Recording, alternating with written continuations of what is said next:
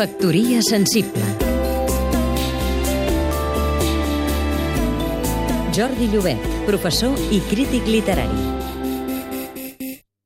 L'editorial Ciruela acaba de treure al mercat una nova edició de la novel·la Madame Bovary de Gustave Flaubert. Per què han editat una altra vegada aquesta obra, de la qual ja hi ha més d'una dotzena de traduccions catalanes i castellanes?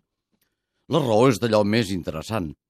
Flaubert, que es fixava molt en tot el que posava i en tot el que treia dels esborranys dels seus llibres, va eliminar de la versió original de l'any 1857 una sèrie de passatges que li va semblar que no resultaven adients o que espatllaven el to o l'estructura general de l'obra.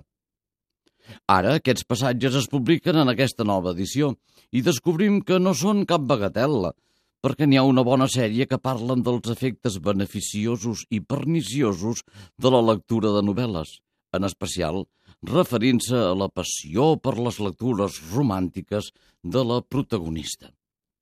Emma, que és com es diu, pateix el mateix mal que Don Quijote. Ha quedat massa tocada per la lectura juvenil de fantasies romàntiques.